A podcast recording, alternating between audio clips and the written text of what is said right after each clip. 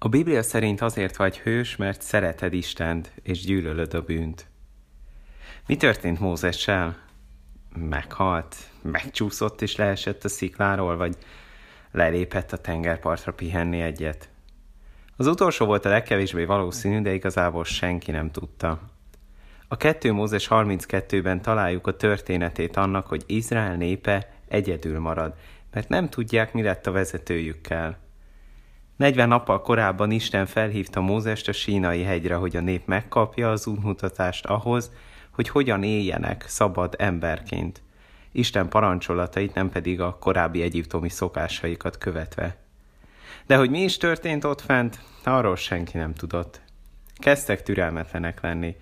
Tehát megkérték Áront, hogy készítsen nekik egy új vezetőt, vagyis egy régi vezetőt, a korábban már megismert bálványistent, akit egy aranyborjú képében imádnak majd. Eközben épp Isten azt magyarázta Mózesnek, hogy csak őt kövessék mostantól, és hogy őről viszont ne készítsenek szobrokat. Ha emlékszel, ezt azért mondta, mert az áhítatok első napján szó volt, hogy a teremtésnél Isten az embert a saját képmásának teremtette. Az ember maga a szobor, egy élő szobor, aki megmutatja és szimbolizálja és képviseli Istent. Amikor elkezdték ezt az Istent készíteni, épp akkor indult le Mózes a hegyről. Ja igen, amúgy még mindig él.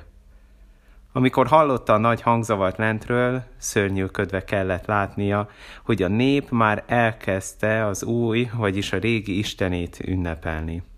Mózes nagyon mérges lett, és hát elég durván reagált. Az új nép törvényeiről szóló kőtáblákat összetörte, majd porrázúzta az aranyszobrot, összekeverte azt vízzel, és megitatta azokkal, akik ezt akarták.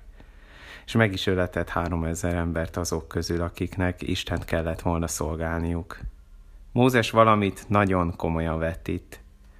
Gondolom, te is valami ilyesmit gondolsz, hogy nem már Mózes, hogy jó, rosszat tettek, de azért nem kéne inkább szeretni őket, vagy valami ilyesmi? Mózes tettei Izrael népének gonoszsága ellen irányultak. Mózes túlságosan szerette Istent, és túlságosan gyűlölte a bűnt ahhoz, hogy hagyja azt, hogy a nép néha kicsit elengedje magát. Mózes ebben követendő példa. Nem, az erőszakos részére most nem utalok a történetnek. Arra gondolok, hogy milyen érzések voltak emögött.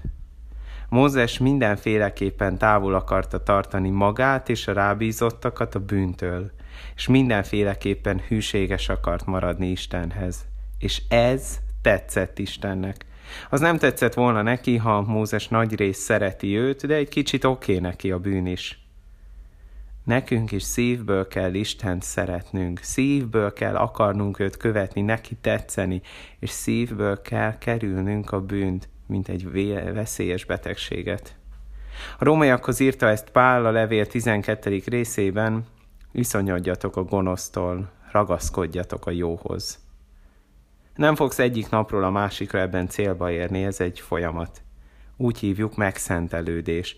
De a lényeg már ma megtörténhet benned. Belül megváltozol, elindulsz, és Istent fogod szeretni, ami pedig ellene van a bűn, az meggyűlölni. És ha belül helyreálltál, egyre több helyes döntést hozol majd, egyre kevesebb szer térsz vissza korábbi életedhez. Egy kis feladat a végére, vedd észre, milyen bűn van most jelen az életedben aztán beszéld meg Istennel. Kérd, hogy azt bocsássa meg, és hogy segítsen azt elhagyni. Kérd, hogy tudj a bűn helyett kitalálni, és megvalósítani valamit, amivel őt követheted.